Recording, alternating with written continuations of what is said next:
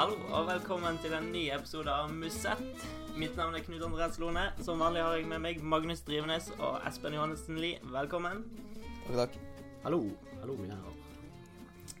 Eh, det gikk jo ikke mange sekunder før vi hadde den første brøleren forrige episode. Eh, jeg glemte å si at eh, Espen er journalist, han òg. Han skriver for procycling.no og Sykkelmagasinet. Håper du kan tilgi meg for den, Espen. Det- Det skal gå fint. Det skal gå fint. Og Magnus, du har visst eh, meldt overgang fra riet til Eh, Bygdøy IL. Og der eh, skal du ta sykkelkarrieren til nye høyder. Eh, Ja, det Nye Altså høyder vet jeg ikke om vi kan kalle det, men eh, noe nytt i hvert fall. Det høres bra ut. Ja. Eh, sykkelsesongen er for fullt i gang med omløp, Het Newsblad og Kyrne-Brussel-Kyrne, som gikk lørdag og søndag. Magnus, har du en liten oppsummering av rittene? Det, det har jeg, vet du, Knut. Eh, lørdag gikk jo altså omlopp et newsblad av stabelen, eh, og det markerer jo starten på Brosteinsesongen for eh, klassikerrytterne. Og allerede tidlig i rittet så hadde Tom Baanen et uhell og falt på Haghock. til tross for at Espen advarte mot dette i forrige podkast, så det er tydelig at han ikke hører på Musett. Men eh, dette viste seg å bli et eh, frampek for uh, Tommeke. For da feltet dundret over brosteinen med ja, omtrent 63 km igjen, rett eh, før uh, Taienberg. Bonberg skjedde altså en stor velt i feltet. Og Alexander Kristoff og Tom Bonn var blant dem som gikk ned. Uh, det så først ut som om at uh, Alexander Kristoff hadde ganske vondt, men han satte seg nå på sykkelen igjen etter kort tid og øh, syklet videre. Uansett, foran ventet det ikke, og det var Trekk Segafredo som satte et forrykende tempo inn i eh, Taienberg. Og her var det Jasper Stoiven da som øh, angrep og satte farten. Det dannet seg da en mindre gruppe foran. Denne gruppen ble ja, mindre og mindre, og da Sepp van Marke angrep på Målenberg, så var det til slutt egentlig bare Sagan van Avmat og Sepp van Marke som eh, satt igjen foran. Eh, og de samarbeidet godt eh, helt inn til finalen, og overraskende nok kom det ingen angrep fra Sepp van Marke. Og de tre kom sammen inn i Gent, eh, hvor de skulle spurte om eh, seieren. Her gjentok Sagaen feilen fra i fjor. Han kom langt ut i siste sving. Mens Greg van Avmat eh, kom som en rakett på inneren og var raskest i spurten i år også. Vant da for andre år på rad foran Sagaen, Sagan, mens eh, Sepp van Marke da tok tredjeplassen. På søndag i Kyrne, Brussel-Kyrne så var det litt eh, ikke helt ulik utvikling. Det satt et brudd foran. Eh, det kom en liten utskillelse på eh, Odenarde, var det vel. Og da satt igjen en favorittgruppe eh, foran. Dessverre var det ingen nordmenn som satt i denne favorittgruppen, men Katusha hadde to ryttere der. Eh, Tony Martin og Baptiste Plankert. I et sidevindstrekke om lag fem mil før mål så klarte jo begge de to å velte. Da Plankert eh, touchet eh, hjulet til eh, Arnaud Demar. Plankert kom jo seg opp igjen i feltet på sterkt vis, mens eh, Tony Martin måtte bryte rett og slett etter tips fra legene i eh, rittlegene, for han eh, hadde slått hodet ganske kraftig. Kyrne Brussel Kyrne er jo et ritt som passer spurterne bedre enn omlopp et newsblad. I feltet bak så satt det jo lag og jobbet for spurterne sine. Blant annet eh, Amund Grønald Jansen jobbet for eh, Dylan Groneveggen, og eh, Kofferis jobbet for, for Nasser Bohani, da. Eh, og da Sagan plutselig ikke ville jobbe mer i feltet, så ble det ei favorittgruppen. Så minsket avstanden seg ganske kraftig. Og det så ut som at det skulle eh, eh, samle seg til å bli en spurt. Men da tok eh, Jasper Stoiven ansvar og angrep. Med seg fikk han Luke Rowe, Tish Benot, Matheo Trentin og Peter Sagan. Og de jobbet egentlig helt eh, knirkefritt eh, fram til eh, den siste kilometeren. Og da lå de ja, vel halvminuttet foran eh, det resterende favorittgruppen før feltet var like bak der igjen. Og det var heller ingen angrep uh, før den siste kilometeren i, som på omlopp het Newsblad. Uh, overraskende nok her også. Det som kanskje var mest overraskende, var at det var Matheo Trentin som uh, åpnet spurten. Han åpnet med ja, 800 meter igjen til mål. Prøvde seg på en frekk langspurt, men det viste seg å være et tapstrekk fra quickstep-rytteren sin side. Dermed lå alt til rette for Peter Sagan, som åpnet spurten relativt tidlig og overrasket eh, Jasper Stoiven. Og tok eh, seieren ganske overlegent og lekende lett. Jasper Stoiven ble da nummer to, og Matheo Trentin ble tredjemann i rittet. Veldig bra, Magnus. Takk skal du ha. Eh, det var jo to veldig spennende ritt i helga. Eh, hva vil du trekke frem fra, fra helga, Espen? Eh, jo, ja, hvis vi kan begynne med lørdagen, da. Uh, omlopp het Neuschblad, så var det vel en utgave som eh, vi kjenner de fra tidligere, eller fra nylig egentlig, der eh, underholdningsverdien var ganske høy. Eh, det åpnet seg opp etter Teinberg, og hjemmelagene Quickstep og Lotto Sudal fikk dårlig uttelling som de har hatt de siste 15 årene, mer eller mindre. Men også dette at det er ganske rimelig kaotisk gjennom de siste 6-7 milene. Eh, og sånne forhold virker egentlig å være eh, mer og mer eh, et stadig sterkere varemerke ved de flamske klassikerne, syns jeg. Så det kommer nok til å se mer utover sesongen. Ja, som du sier, smått, smått kaotisk, Espen. Både, i, både lørdag og søndag, for, for så vidt. Quickstep og Katusha satt begge dårlig i det når det ble ka kaotisk. Ja, altså, ja, det var jo pga. velten, det, da, antagelig. Selvfølgelig. Ja, men altså, den velten skjedde jo ganske langt foran, da. Det var Det var ikke Det var litt uflaks, ja. Ja. Det var det absolutt. Uh, men både Quickstep og Katusha har jo ikke akkurat en historie for å gjøre det bra i, i omløp de siste årene. Nei, det er jo sant, så Ja, nei, det har de ikke. Altså, Lotto Sudal eh, har ikke vunnet i åpningshelga siden eh, 2002. Det tror vi nevnte i forrige pod. Eh, Quickstep eh, har ikke vunnet omlopp siden 2005, stemmer det, Lone?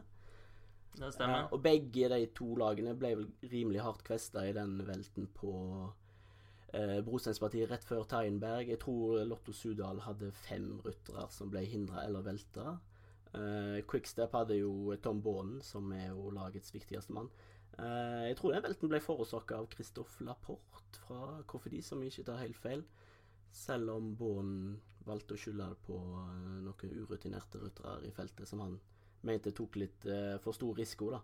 Men for å spille videre på det, altså Lotto Sudal De hadde fem mann bak der, og de klarte vel aldri å hente seg skikkelig inn etter den velten, så lørdagen deres var vel over eh, omtrent der. Eh, søndagen mista de Jens de Buskere, som er jo deres raskeste mann. Eh, Jørgen Rolands hadde noe magebesvær eh, natt til lørdag, så han var rimelig redusert, selv om han gikk i brudd i Kurne Brussel. Kurne De hadde Benot, som var med vel i gruppa etter Ode Kvaremot på søndagen. Eh, selv om han ikke klarte å spille ut sine kort helt eh, 100% i finalen mot raskere menn som Sagan og Stoiven. da. Så han ble vel Jeg tror de fikk en fjerdeplass med seg. Uh, men alt i alt en rimelig grå og trist helg for Quickstep og Lotto Sudal, vil jeg si. da. Det var jo Born sitt 15. forsøk på å vinne omlopp. Første gang han bryta. Um, velten skjedde jo på et fryktelig ugunstig tidspunkt. da. Tre-fire kilometer før Tyenberg. Og uh, den gruppa satte jo bånn gass etter, eh, etter velten òg, så det var jo umulig for de fleste å komme seg opp igjen der. Ja, absolutt. Altså, det å velte rett før den bakken i Norseblad det kan vel sammenlignes med å starte Monaco Grand Prix i en klovnebil, egentlig. Altså, det er rimelig dårlig deal å krasje der. Um, en annen in interessant moment med omlopp lørdagen Det, ble, det har jo rykka opp til World-touren, men uh, det var lite som indikerte på at noen lag kjørte mer avventende av den grunn at de ville trygge noen viktige UCI-poeng, eh, vil jeg si. Det var egentlig samme omlopp som vi har sett de siste årene. Eh, faktisk så sa Petter Sagan etterpå at han trodde rittet fortsatt var Europatour. Ja, typisk Sagan. Typisk Sagan. Ja, han eh, Han er vel en smått distré type. eh, og viste jo i spurten at han var litt rotete òg. Han mente jo sjøl at han ikke tapte spurten da han la seg ut eh, ut i svingen der til eh, Sportsa i intervjuet etter rittet. I intervjuet han fikk vel bare et eh, no og en lang, uh, lang stillhet på om han tapte rittet der. Men uh, hva syns det? han taper rittet der, gjør han ikke? Ja, det mener jeg egentlig er ganske klart. han gjør samme feil som i fjor. Van Amat kom på inneren, har mye høyere fart. Sagaen må ta hjulet til van Marke. Og da er egentlig skaden skjedd. Uh, han er for sent ute, rett og slett. Uh, ja, det er egentlig helt uh, tragisk dårlig sving av Petter Sagan, og dårlig løst, syns jeg. Ja. Van Amat sier jo det i intervjuet etterpå at han var ikke den sterkeste i dag, han var bare den smarteste. Ja, jeg synes, altså Sagan så jo utrolig bra ut på, på de siste tre milene, i hvert fall. Og Eh, så ut som han hadde mest krefter igjen av eh, de tre. Og det var kanskje logisk at, han, eh, at det var han de så på i spurten. Men van Amat har vist at han er, han er god i sånne spurter som det der. Slo jo Sagaen i fjor, har slått Sagaen i Tour de France, så Ja. Det er jo ikke sjokkerende at van Damat slår Sagaen i en sånn spurt, men uh, det er jo mer sjokkerende hvordan Sagaen ikke lærer av fjoråret, spør du meg. Espen, du hadde vel litt statistikk på van Avermaet uh, i den type avslutninger? Jo, for så vidt. Altså, vi alle syns vel Vi snakket om dette før uh, vi gikk på lufta, så dette. Altså, vi var litt overraska over van Marke og måten han spilte ut sine kort på i den finalen. Altså, jeg tror mange opplevde og satt og venta på at han muligens skulle angripe i den finalen. Uh, men åpenbart, han følte sjansene sine var gode i en spurt mot Sagan og van Avermaet. Uh, og som uh, Drivenes sa, han Etterpå så følte han at Sagan ødela både hans egen og, og sin egen spurt ved å skjære for mye ut til venstre. uansett, sett i ettertid, så virker det vel som et feil valg å gamble på en spurt mot disse to. Mulig han spekulerte i at Sagan hadde brukt for mye krefter underveis, og at van Avermat uh, muligens var en smule redusert etter skadene i vinter som han har hatt. Han har jo hatt et beinbrudd. Uh, og van Avermat vant jo nokså overraskende spurt mot Bånd i omlopp i 2012. Men det var jo mye flatere oppløp, um, som jeg husker. Og oppløpet på, på lørdag, Emil Klausland-veien, som har vært eh, oppløpet de siste eh, to årene. Den er jo vesentlig hardere. Det er en sånn skikkelig knekker gjennom en, en S-sving, er det vel. Uh, det er et type oppløp vi vet fra før at van Avermat liker veldig godt. og faktisk så har han et historisk overtak på sagaen i sånne avslutninger.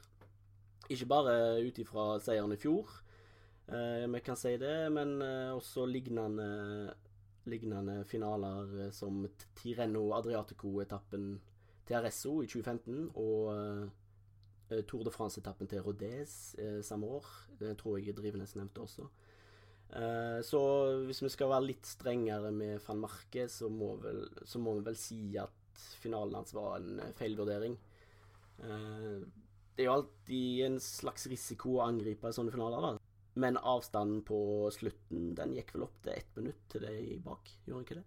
Jo, den økte vel litt. Uansett så er det vel Altså, van Marke kan, han vil jo mest sannsynlig tape den uh, spurten uansett, så hvorfor ikke risikere å gå på et angrep? Ja, men også Det virket også som at Sagan var nesten irritert på van Marke på at han ikke hadde øh, angrepet. For det var nok tydelig at øh, Sagan kanskje hadde forberedt seg på at van Marke skulle ja, ødelegge litt rytmen i, i gruppen, og at det hadde kanskje sørget for en annen inngang til spurten. da Eh, enn det som ble tilfellet. Jeg, jeg, jeg, personlig skjønner jo ingenting av at van Marke ikke prøvde, men det er klart, sitter man der med, med ti laktat, liksom, så er det lite man får gjort. De snakka jo Både van Marke og Sagan var jo i Sportsa-studio etter rittet. Og da spurte Sagan uh, van Marke rett ut uh, Why do you don't attack? uh, og van Marke sa da at de hadde, hadde en avtale om å om å spurte. Uh, som det virker som Sagaen fullstendig hadde, hadde, glemt. Men det virker nesten som de kanskje har litt for stor respekt for Sagaen. For, for Sagaen virker jo som han oppriktig var sjokkert over at van Marke ikke hadde angrepet. Ja, det var en litt eh, snodig allianse, i hvert fall innenfor siste I hvert fall innenfor Flam Rouge. At uh, de skulle holde sammen på den måten. Uh, Sagan nevnte vel også i Sporsa studio at han ikke hadde gått etter uh, van Marke hvis han valgte å angripe. Uh, skulle likt å hørt egentlig hva Andreas Klier i bilen til Trapak hadde sagt over radioen. Um, man skulle vel kanskje tro at Klier hadde, hadde anbefalt eh, sin mann å angripe der. Og kanskje van Marke som tenkte på World Tour-poengene? Det kan godt være. Jeg, men eh, personlig syns jeg det høres litt rart ut at eh, van Marke har gått med på en avtale om å spurte mot van Avermaet og Sagan. Det, Ja, for min del henger ikke det på greit. Ja. Nei, Van Marke slo jo Born i spurten i 2012, men da var jo Born relativt utslitt, så ja. han hadde ikke gode odds inni i den spurten der. Nei, men eh, jeg er altså litt usikker på hvor mye vi kan lese ut av det, eh, det intervjuet med van Marke og Sagan der. For det, det hørtes kanskje ikke helt troverdig ut. Kanskje det var mer en eh, spøk. Jeg vet ikke. Hva skal vi si om de norske sin innsats i, i helga, da? Kristoff ender jo opp med å velte lørdag. Han er sikkert litt prega av det søndag, mest sannsynlig.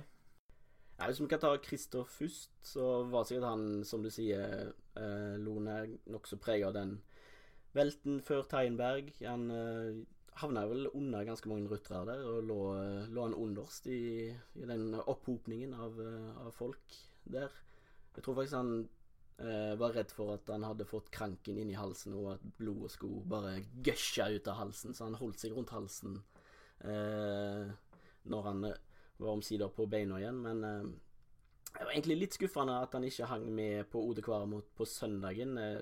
jeg føler en stiv nakke og et litt ondt kne kanskje ikke en, en gyldig fraværsregel uh, der. Jeg vet ikke hva dere syns. Nei, det er klart han ble helt sikkert preget av uh, velten på, uh, på søndagen, men han har jo aldri vært i form på denne tiden tidligere. Aldri syklet godt i, i, i hvert fall omloppet i et newsblad. Men det er nok litt skuffende at han ikke klarte å, klarte å være med på over Odde Kvarmont, ja. Jeg vet ikke hvor han, han endte vel opp med å sitte i hovedfeltet som jager den uh, vinnergruppa til slutt. Det, det gjorde han. det gjorde han. Laget gjorde vel en ganske iherdig innsats med å prøve å kjøre inn uh, utbryterne. Nils Paalit blant annet, og Reto Hollenstein var vel de som kjørte en god del i hovedfeltet for Katusha Alpezin. Hva tenker vi om uh, Katusha sin generelle laginnsats i helga, da? Uh, de satt jo ganske fint foran i, i omløp før de velta. Ja, jeg syns egentlig det så Jeg syns det så positivt ut, i hvert fall fram til velten. Og så er det jo klart at uh, når den velten først skjer, så er det på en måte Ja, da er det lite de får gjort. De, uh, de er på en måte på feil sted til feil tid, men de satt jo egentlig relativt uh, langt foran hele veien. Satt samlet hele veien fram til det.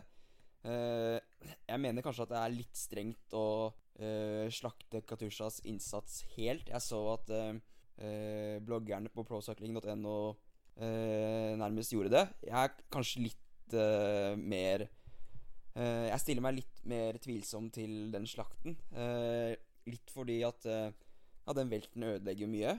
Søndag så sitter de for så vidt med to ryttere der, og de er uheldige der også, som begge velter. Og klart, hadde Kristoff uh, f.eks. ikke veltet på lørdag og vært med på søndag, så hadde det vært en helt annen situasjon. Jeg syns egentlig det ser ganske positivt ut, men vi må vente litt med å gi, uh, med å gi dommen da, over Katusha.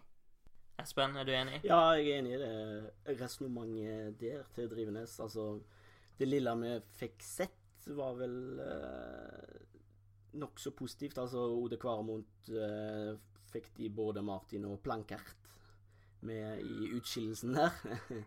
Eh, men jeg syns eh, så, Ja, sånn at det er litt tidlig å trekke noen store slutninger om, eh, om laget foreløpig.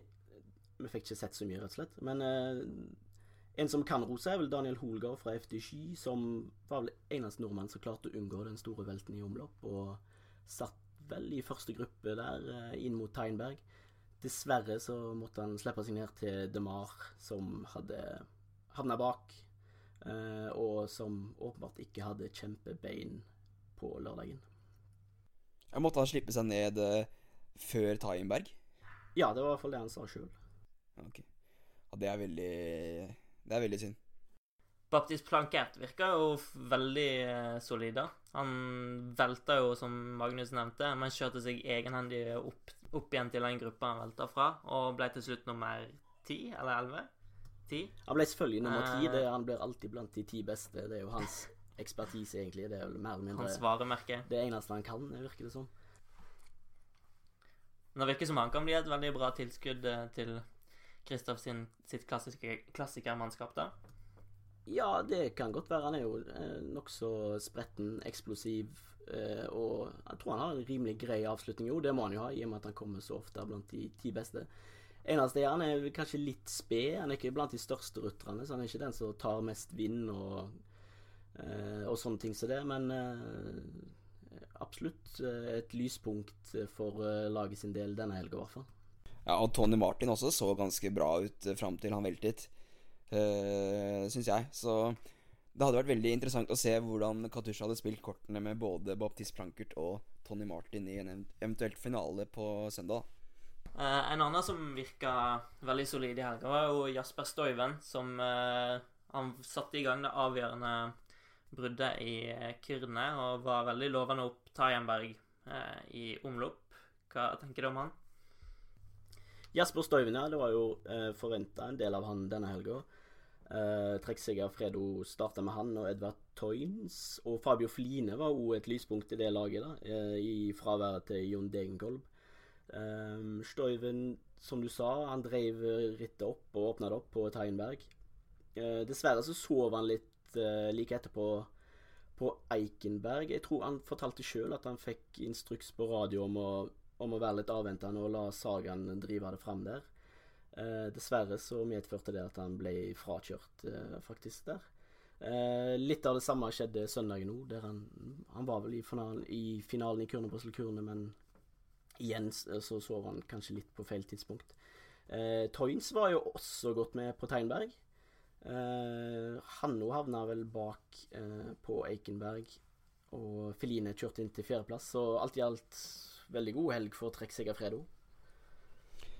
Ja, eh, Jasper Storven har jo virkelig tatt, eh, tatt et lite steg. Skal jo fylle tomrom etter eh, Fabian Cancellara i Trekksegga Fredo. Og eh, jeg tror han absolutt er blant de vasseste klassikerrytterne i år. Og han blir i hvert fall en å, en å se opp for i eh, de kommende Brosteinsrittene. Jeg syns eh, måten han animerte rittet på på søndag, det var eh, veldig gøy å se. Eh, jeg tror altså han kunne, nesten kunne vært i stand til å utfordre Sagaen. Eh, men eh, han hadde planer om å gå til eh, tidlig selv for å overrumple Sagaen. Men så gikk Sagaen enda tidligere, og da, da sov han litt, som, som sier, Espen. Så Stoiven er jo også en Han er veldig kjøresterk, samtidig som han har en god spurt. Og viktig å huske på, han er 24 år gammel. Han er, eh, han er en mann for fremtiden. Eh, og Trekseg og Fredo har et veldig kult lag. Nei, jeg må få lov til å hylle Fabio Fline. Han er, eh, han er rask i spurter. Han klatrer bra. Ble nummer tre på etappen eh, i Vuelta i Spania, hvor Brambia spurtslo Quintana på en eh, fjellavslutning. Og nå behersker han også brostein. Han er jo en eh, helt nydelig rytter, og det blir jo Jeg gleder meg så ekstremt til å se han i rittet som kommer. Amstel Gold Race, for eksempel. Rittet hvor han eh, Hva var det han, som skjedde med han der i fjor? Han uh, satte et eller annet inn i hjulet. Hånden sin eller noe? Hva var det, Espen? Ja, han fikk vel hånda si eller et eller annet inn i hjulet, og så stupte han over styret og måtte bryte. Ja, han ikke bare bryte. Jeg tror han ble ganske hardt uh, skadd også. Ja, men uansett, han Jeg kan ikke få hyllet han nok. Men bare for å skyte en på Feline der før vi avslutter, før vi slipper han helt. Eh, som du sier, Drivnes, det er jo en rytter som er vanskelig ikke å like. Særlig med tanke på eh, sveisen hans, men òg allsidigheten hans. Eh, han har Han ser fryktelig jovial ut. Ja, absolutt. Og han starta sesongen veldig bra. Han vant eh, eh, Trofeo Laguelia i rimelig fin stil. Eh, og så tar han denne fjerdeplassen da, i omlopp Het Norgesblad på lørdag. Det som er oppsiktsvekkende, er at han har ikke kjørt de flamske klassikerne siden 2010. Så han har rimelig lite erfaring i disse rittene, og det blir spennende å se framover hva han kan utrette, rett og slett. Ja, det er ganske eh, heftig å ikke ha kjørt dem på så mange år, og så kjøre så, så bra. Eh, det tyder jo på at han kanskje er et naturtalent da, den type, i den type forhold. Eh, Quickstep sykler jo på heimebane. Eh, de, som Espen fortalte i forrige, eh, forrige podkast, så droppa de jo rekognoseringa av eh, omlopp pga. dårlig vær. Ting tyder vel på at de kanskje skulle, skulle gjort det likevel. Nå velter de, da, så det er ikke så mye å få gjort da. Men de har ganske dårlig statistikk i, i omlopp. Det er tolv år siden sist de vant. Da vant Nick Noyens i 2005. Uh, de har bare seks pallplasseringer av 39 mulige siden den gang, i tolvårsperioden. Eh, I Kyrne har de fem seire da, de siste tolv årene. Men generelt så har de jo gjort De har vært det dominerende klassikerlaget de siste sesongene. Men de har slitt med å få uttelling i omlopp. Ja, ikke bare omlopp. De har slitt med å få uttelling i Flandern og Roubaix, for så vidt òg. De har jo ikke vunnet et eh, brosteinsmonument siden 2012, eh, om jeg ikke tar helt feil. Eh, det virker som stemningen er relativt nervøs for Quickstep om dagen. Det er jo mye som står på spill for, for laget denne sesongen. Båden har lyst til å avslutte i stil. Sponsorene takker for seg etter denne sesongen. Eller Lefebvre har ingen sponsorer lina opp foreløpig utover denne sesongen. Så sånn sett så sykler alle rytterne på utgående kontrakt. Eh, og det vet vi jo kan gjøre noe med samhørigheten i et lag, når vi vet hvor viktig eh, det er med OL Tour-poeng på overgangsmarkedet. Eh, men jeg, jeg, føler den latente uroen skyldes mest egentlig i Bånen nå. Eh, han har trent gjennom vinteren siden VM, egentlig, og alle messer jo om at han er i veldig godt slag, men nå har han velta tre ganger allerede. Han har en sår finger, har slått hofte og kne. Uh, han gikk jo ned i Oman i tillegg, og da så vi egentlig hvor panikkslagne Quickstep var der. Jeg leste et interessant intervju med Lefebvre i Het Norgesblad i helga, der han fortalte om sin opplevelse av den hendelsen. Uh, Sjøl var han hjemme i Belgia, så han var ikke i Oman. Men når han så båren gikk ned, så ble han selvfølgelig veldig urolig. Han prøvde å ringe til ulike folk i, i presseavdelingen. Eh, ikke alle svarte telefonen, og de som svarte, de hadde ingen, ingen info om, om båren og om han var skada eller ei. Så Lefebvre han innrømte òg vel at han hadde hatt seg et par drinker, men han, han, han uh, sendte da meldinger til omtrent alle på laget der, der nede for å finne ut hva som hadde skjedd. Og, så det var sikkert litt artig da når alle så på mobiltelefonene sine etter hvert, og da alle hadde samme meldingen fra eh, en animert eh, Lefebvre. Um, jeg føler det sier litt om stemningen i Quickstep-laget om dagen. Og mest fordi altså, vi har jo sett hva slags lag de er uten bånden. Det har gått rimelig ille ved flere anledninger. Nå er det, nå er det bare seks uker til Robé. Um, det spørs vel om bånden har råd til å gå glipp av så mange flere ritt uten at det kan forpurre formen hans nevneverdig. Mm, eh, som du sa, Lone, natt til søndag så sleit han med diaré. Det gjorde jo at han ikke starta om søndagen. Så nå eh, skal de vel supplere eh, rittprogrammet hans med en semiklassiker til uka. Eh, litt mer useriøs anekdote rundt eh, Bånd sine magetrøbbel kan vi vel òg ta med. Eh, Quickstep de bodde på eh, D-hotell i Kortrik denne helga. Eh, og alle som har bodd, uh, bodd, der, eller hatt et opphold på det, på, på det spa-hotellet, kan vel skrive under på at rommene ikke har dører inn til, inn til do. Det er, det er, bare, uh, det er bare en glassvegg. Så jeg tror vi, så jeg tror vi med god grunn kan synes synd på han som delte rom med Bånd forrige helg. Det var absolutt ikke å foretrekke. Uh, men som du sier, Bård har ikke råd til å tape noe særlig med ritt eller trening frem mot Robé. Eh, han har jo planer om å, å, vinne der og avslutte karriere der. Men det har vært litt snakk om tidligere år da, at uh, Quickstep er litt for opphengt i, i bånn. Altså, han har, er jo lagets ansikt utad. Han er den store stjerna deres, og spesielt i Belgia er han ekstremt stor. Det var litt, litt snakkeri her om at de er litt for opphengt ennå, eh, spesielt i ritta. Og at Wilfred Peters, sportsdirektøren der, er litt for eh, glad i båren og ikke klarer å spille kortene deres riktig av den grunn. Av at de, han er så opphengt i at båren skal vinne. At han ikke klarer å bruke Terpstra og Styber, Stybar riktig. Ja, det har vært eh, nevnt eh, egentlig mange ganger i flamsk media, og som du nevner eh, Herr Peters, eh, klengenavn Fitte, um, han har eh, Han har høsta mye kritikk i flamsk media opp gjennom årene eh, for taktiske valg.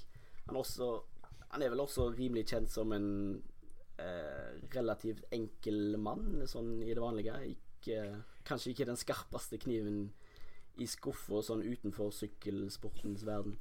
Eh, men samtidig, båden er en viktig lim i det laget, og når han er borte, så eh, opptrer Quickstep ofte som blåst for alle vinnere, egentlig. Eh, det, er, ja, det er stor forskjell på Quickstep med og uten bånd. det, det, det er det ingen tvil om.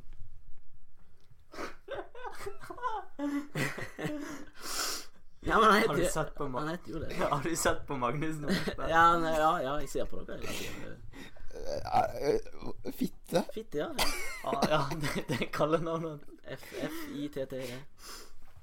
Men hva Det, det er et flamsk eh, Hva betyr det på flamsk, da? Nei, det er vel short for uh, Frid. Veilfrid. Uh, ikke Ikke det? Fitte. Vilfrid Fitte. Vilfrid Fitte-Peters. det, det var vel ikke uventa at Sagan var den mest uh, innflytelsesrike rytteren i helga. Eh, de fleste pekte han ut som den sterkeste i rittet, og det var vel rimelig åpenbart for oss som så det på TV også. Van Merke sa han var skremmende sterk. eh, og han måtte egentlig bare smile og le når Sagan spurte han om å gå rundt i, i bruddet. Eh, jeg syns Sagan bekrefta virkelig den evnen han har til å styre utfallet av ritt eh, nærmest på egen hånd. Og selv med ganske eiendommelig oppkjøring til rittet. Jeg syns noe av det mest interessante med åpningshelgen er å sammenligne de ulikes valg av oppkjøring og, og analysere hvordan det fungerer i rittet. Uh, Van Marke, som ble nummer tre, han vet vi jo kjørte et europeisk program. Van Avermat gjorde som i fjor og dro til Oman. Um, mens sagene han åpna i uh, Tordan Under og gjentok eh, suksessoppskriften med tre uker i høyden på Sierra eh, Nevada. Og normalt sett, med alle andre ryttere, så ville de sikkert merke en sånn lang treningsperiode i høyden. Rimelig intense greier, eh, i form av tunge bein, kanskje manglende eksplosivitet. Eh, men som vi har sett tidligere, så, og særlig det siste drøye året, vil jeg si, eh, vanlige eh, lover om form og trening, de virker egentlig ikke å ha noe effekt eh, på sagaen. Um, Kristoff eh, nevnte vel til prosykling.no, hvis jeg får plugga de en gang, eh, at han regnet med at sagaen ikke ville være like dominerende som i fjor. Jeg tror etter denne åpningshelga så må vi vel foreløpig konkludere med det motsatte. Ja, og spørs om han ikke må spise de ordene ganske greit. Sagaen Sagan så fullstendig uberørt ut i eh, kurene. Og måten han tok spurten på, var jo veldig overbevisende. Nå fikk han ikke så masse eh, motstand på de siste kilometerne i Kyrne, da. Eh, som jeg nevnte i forbindelse med omløp, så virker det nesten som de har litt for stor respekt for han. At de ikke tør å angripe. At de tenker han er så sterk at han kommer på hjulet mitt uansett, så jeg kan like godt ta, ta sjansene mine i, i en spurt. Men som du sier, så virker han eh, å nesten være enda bedre enn i fjor. Det som eh, jeg syns kanskje er litt interessant, det er jo at eh, eh, Team Sky prøvde jo høydetaktikken før eh, klassikerne med Edvald Boasen Hagen og resten av gjengen. Og det, det ble vel eh, mildt sagt en fiasko formmessig. Og vi husker jo at landslaget var i høyden i fjor, i juli. Og det var vel ingen av eh, rytterne der som kom ut i særlig god rittform. Så at, eh, at Petter Sagan nå kommer eh, rett fra høyden og dominerer i eh, i omloppet Njøsblad og Kyrne Brussel Kyrne, det, det er nesten sjokkerende ut fra det vi vet fra før, eller det vi har erfart fra tidligere. Ja, og Team Sky ble vel nærmest latterliggjort for høydeoppholdene sine.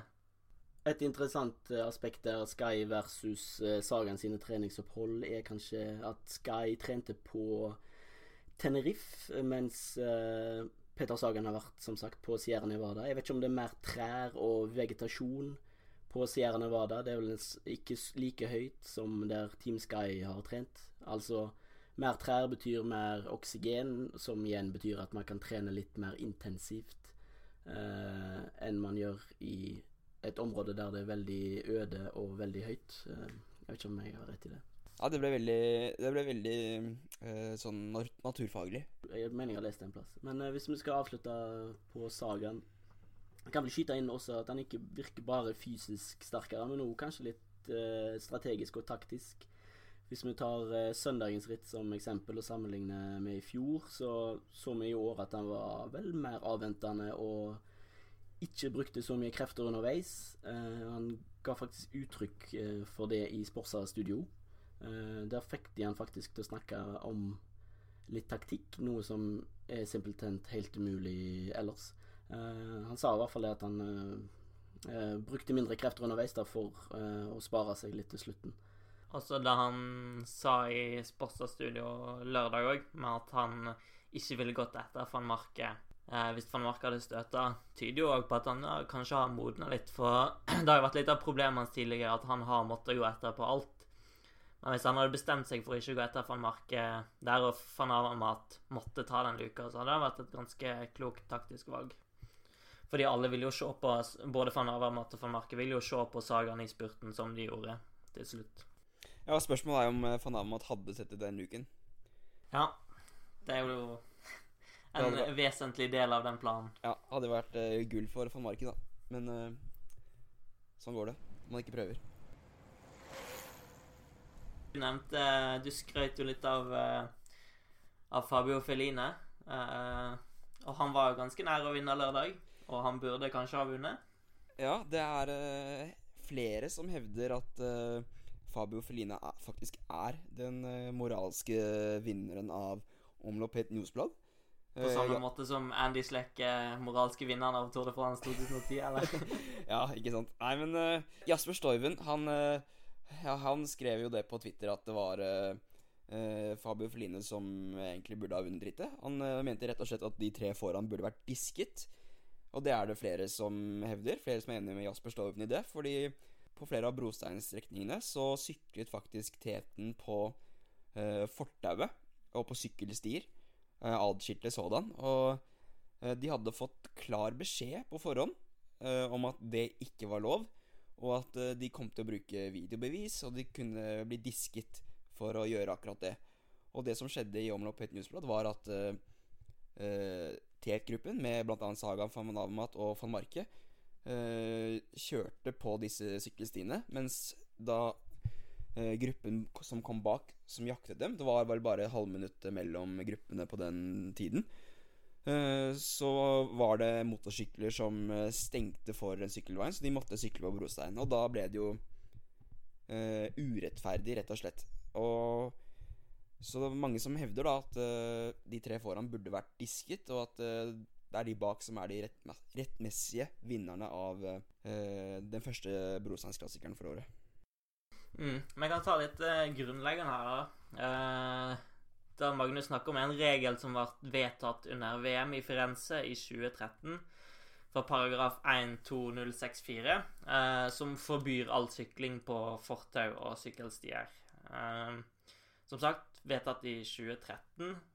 den har aldri blitt håndheva på noen som helst måte, selv om rytterne allerede fra sesongen 2014 ble advart om at denne her regelen kom til å bli, bli brukt hvis de brukte eh, fortau eller sykkelstier. Eh, allerede i Kurne Brussel-Kurne i 2014 eh, I tetgruppa der så satt kommende vinner Tom Baanen, og de brukte fortauet.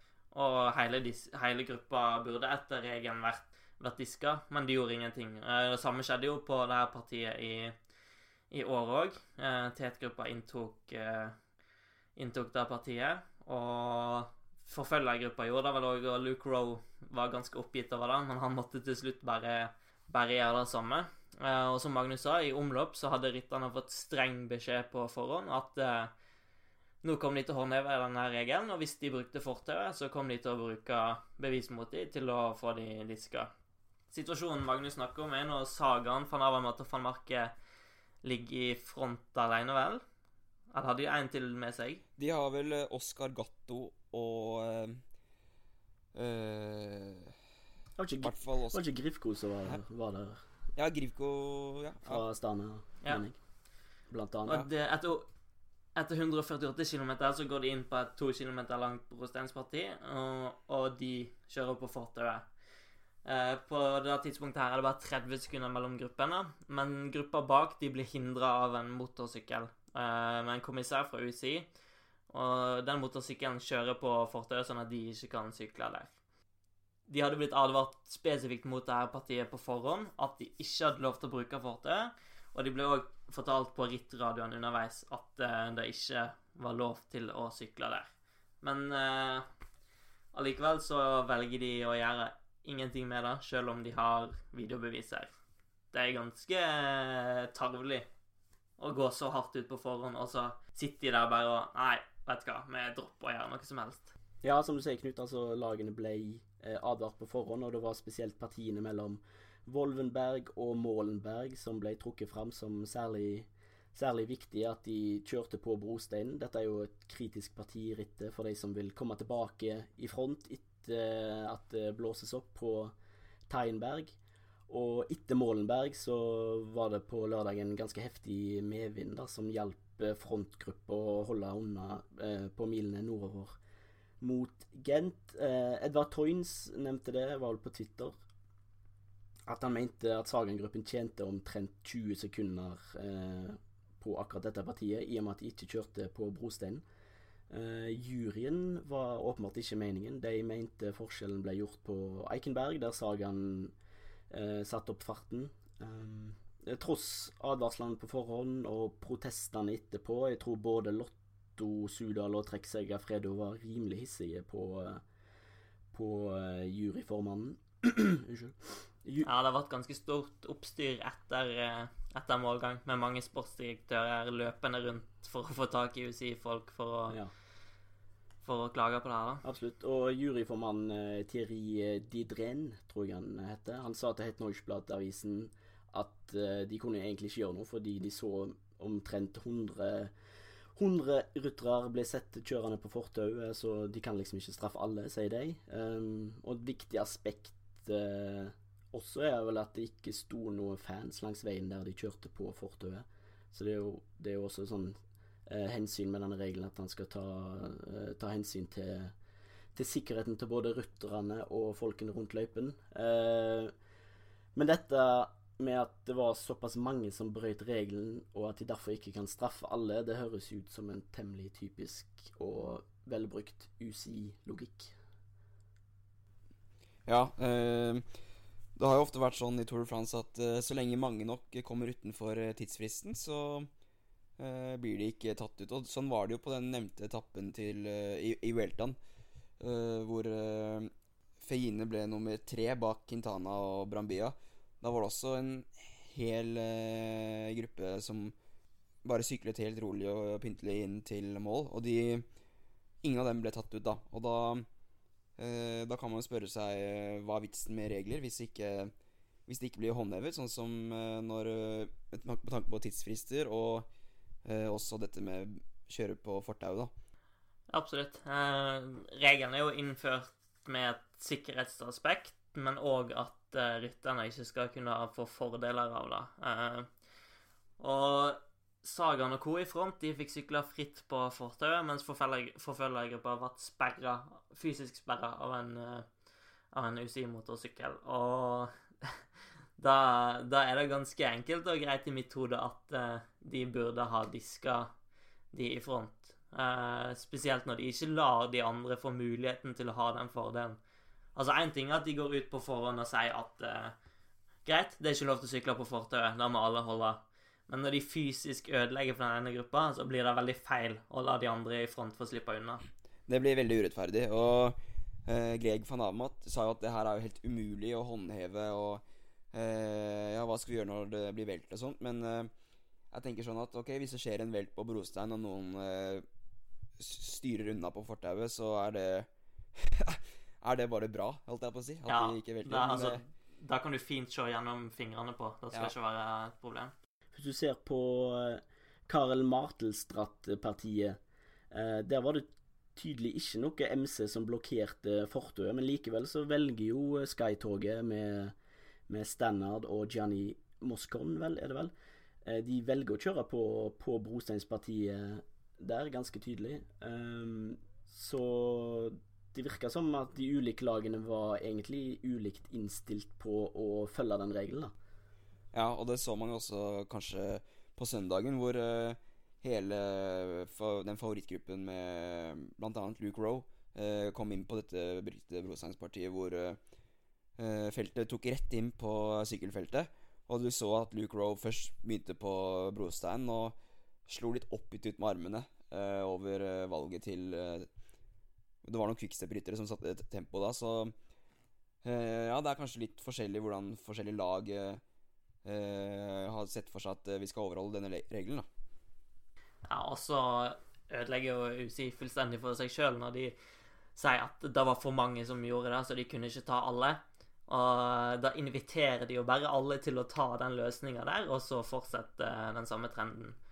Eh, De sa vel på forhånd at eh, målet med det her var å, å polere imaget til sykkelsporten litt, men de skyter seg sjøl fullstendig i foten. Eh, Hadde de tatt Sagan, van Avermaet og van Marke på lørdag, så hadde det her vært ferdig. Ingen hadde turt å gjøre det igjen.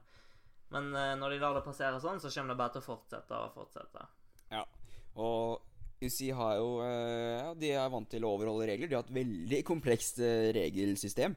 Eh, og vi husker jo Giro d'Italia 2015, var det vel? Hvor Richie Port fikk et forhjul eller et bakhjul eller noe av, av kompis Simon Clark på Orca Greenedge. Og fikk da to minutter tilleggsstraff for å ha mottatt hjelp fra et annet lag.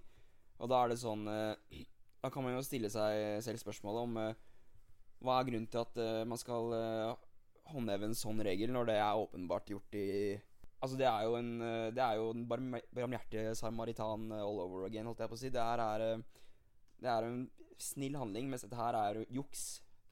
Apropos polere imaget til uh, sykkelsporten. Det, det er jo bare god PR, den der uh, handlinga til Simon Clark, og så skal de gjøre det til noe, noe feil. Og en annen ting med det er jo at det er fullstendig normalt å motta hjelp fra andre lag. Sitter du i et brudd uten følgebilen din der, så får du drikke, du får bars av konkurrerende lag.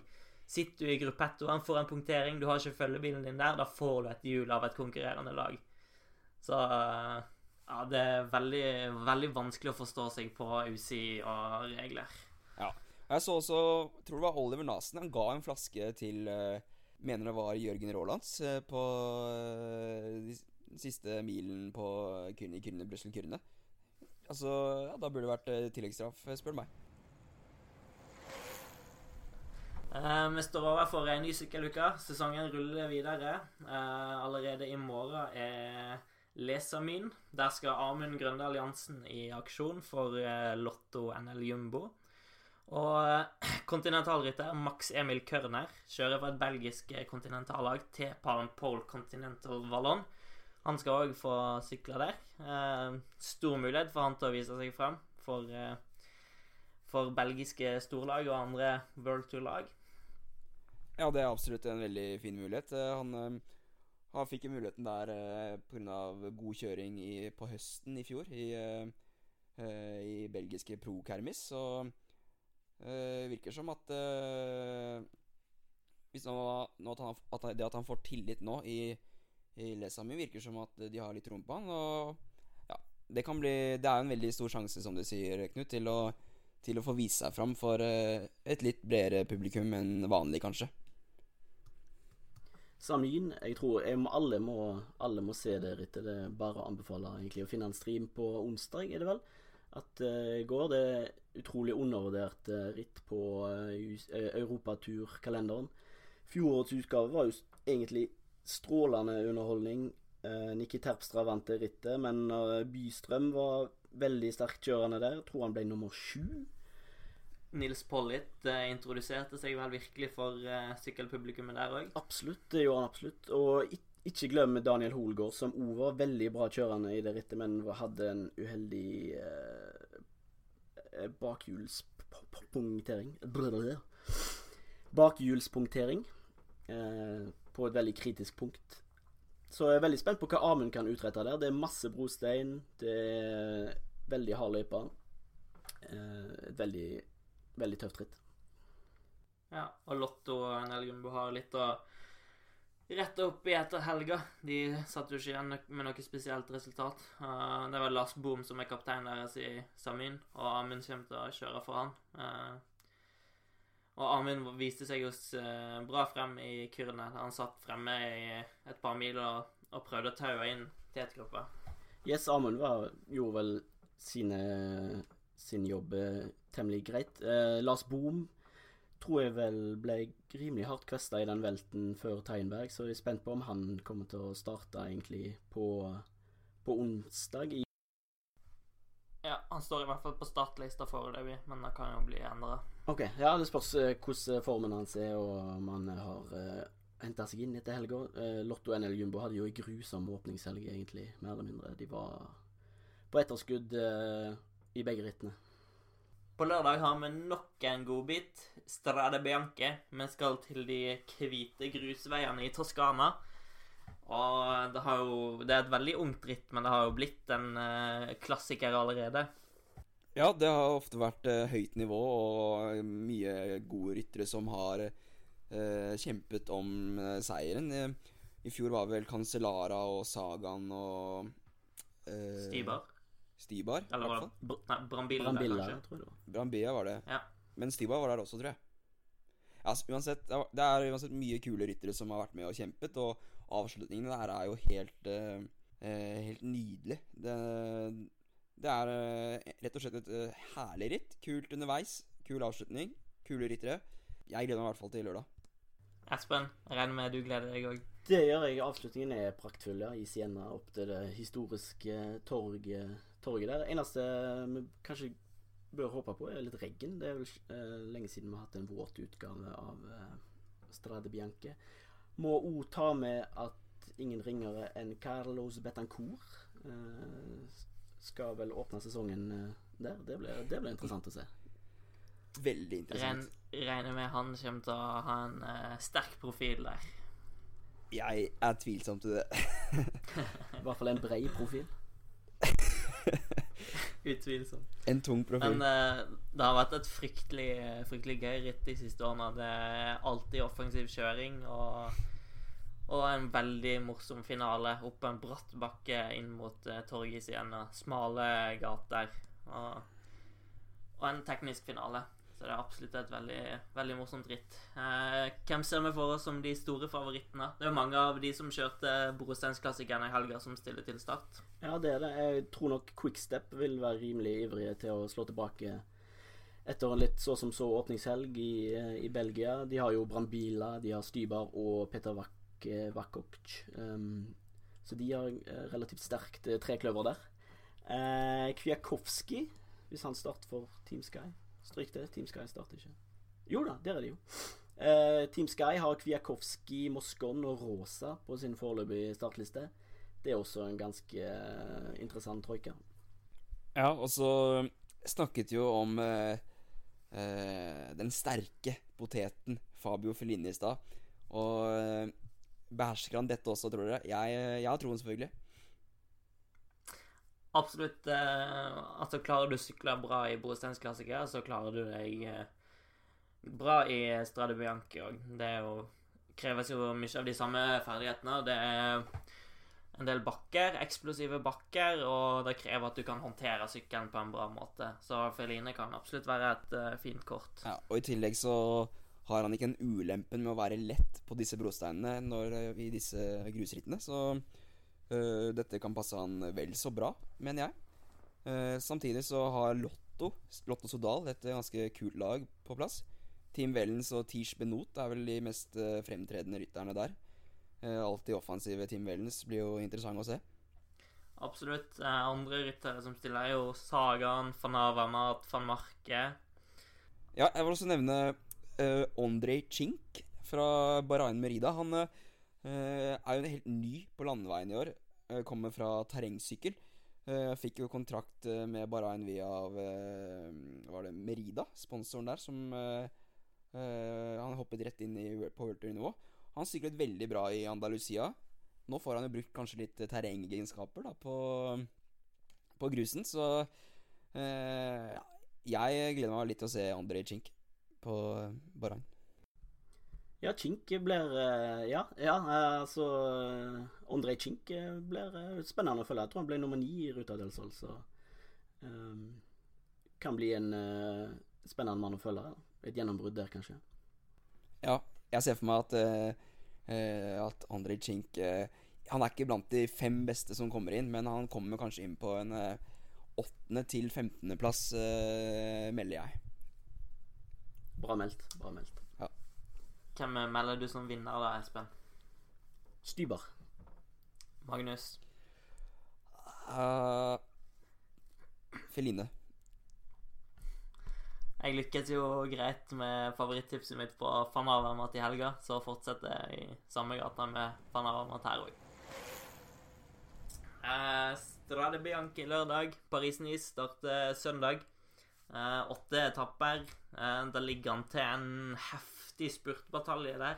Masse gode spurtlag, eh, blant annet med tre norske. Holst Enger, Holgård og Kristoff skal i, i aksjon for sine respektive lag. Og i tillegg har vi en god håndfull med, med spurtlag som stiller til start. Ja, det blir jo veldig interessant å se hvordan Kristoff uh, gjør dette her. Det, han, har jo, han har jo vunnet en del spurter allerede i, år, men det har vært mot litt uh, begrenset uh, motstand. Nå får han endelig bryne seg på toppspurtere som Kittel, Gronevegen, Degenkolb, Kort Nilsen, Bohani osv. osv. Uh, det blir jo en veldig tøff batalje da mellom spurtlagene. Uh, Katusha stiller jo med uh, Marco Haller og Tony Martin, Mikael Mørkøv, som skal hjelpe Kristoff i spurtene. Også Sven Erik Bysund, kanskje. Uh, Holgård må nok finne seg i å være opptrekker for Arnaud de Mar. og så Sondre Holst Enger får vel nok en fri rolle på et Arge Dessert-lag som ellers satser ganske tungt på Roma Berdet. Jepp. Altså, spesielt interessant tror jeg det blir å se toget til Kristoff og Katoshi Alpezin uh, uten Jacopo Guarnieri. Um, jeg snakket med Kristoff om tapet om Guarnieri før sesongen, og han nevnte det at uh, kvalitetene til Guarnieri, de beste kvalitetene til, Guarnieri, er å rett og slett komme bakfra i spurten og angripe, uh, angripe på slutten i opptrekket. Han er en veldig god stifinner, rett og slett, når Katusha Alpesin ikke styrer fra front. Uh, så det blir interessant å se hvordan de løser det, og hvordan de tilnærmer seg uh, spurtene i Paris-Nice når man har såpass sterke opptrekk i, form av Lotto Sudal, Quickstep og Kofidis. Um, Mikael Mørkøv har liksom ikke de samme kvalitetene som en Guarnieri eh, i en sånn finale. Kristoff eh, understreker vel at Mørkøv er best når eh, Katusha selv styrer opptrekket fra front. Så det kan jo bli en, bli en utfordring for, for Katusha. Det skal bli interessant å se hvordan de angriper spurtene på de tre første etappene. Um, FD7 starter jo med Guarnieri, de har jo henta han. Uh, det er også Daniel Holgaard, Chimolai Delage. Uh, jeg syns det ser uh, rimelig bra ut. Jeg syns de så nokså gode ut i Etor Besege. Det er jo et helt annet nivå her, da, selvfølgelig. og så blir det vel interessant å se Boani og hans Kofidis tog som med Laporte og Lemoine og sopp, ikke minst. En skjeggete Sopp. Um, det er ofte sett ut som de beste, og ikke minst de mest aggressive. Så det kan bli noen heftige slag her i spurtene, altså. Ja, vi får håpe at Christophe Laporte uh, klarer å unngå å lage velt denne gangen. Sånn som han gjorde i omlopp. Krysser fingrene for, da. Eh, generelt så er det, hun kommer til å bli voldsom konkurranse om spurtene. Eh, vi satser på det å bli morsomt på klatreetappen òg. Contador, Bardet, eh, Pols, Henao eh, og en rekke andre ryttere. Så det blir nok en morsom ritt.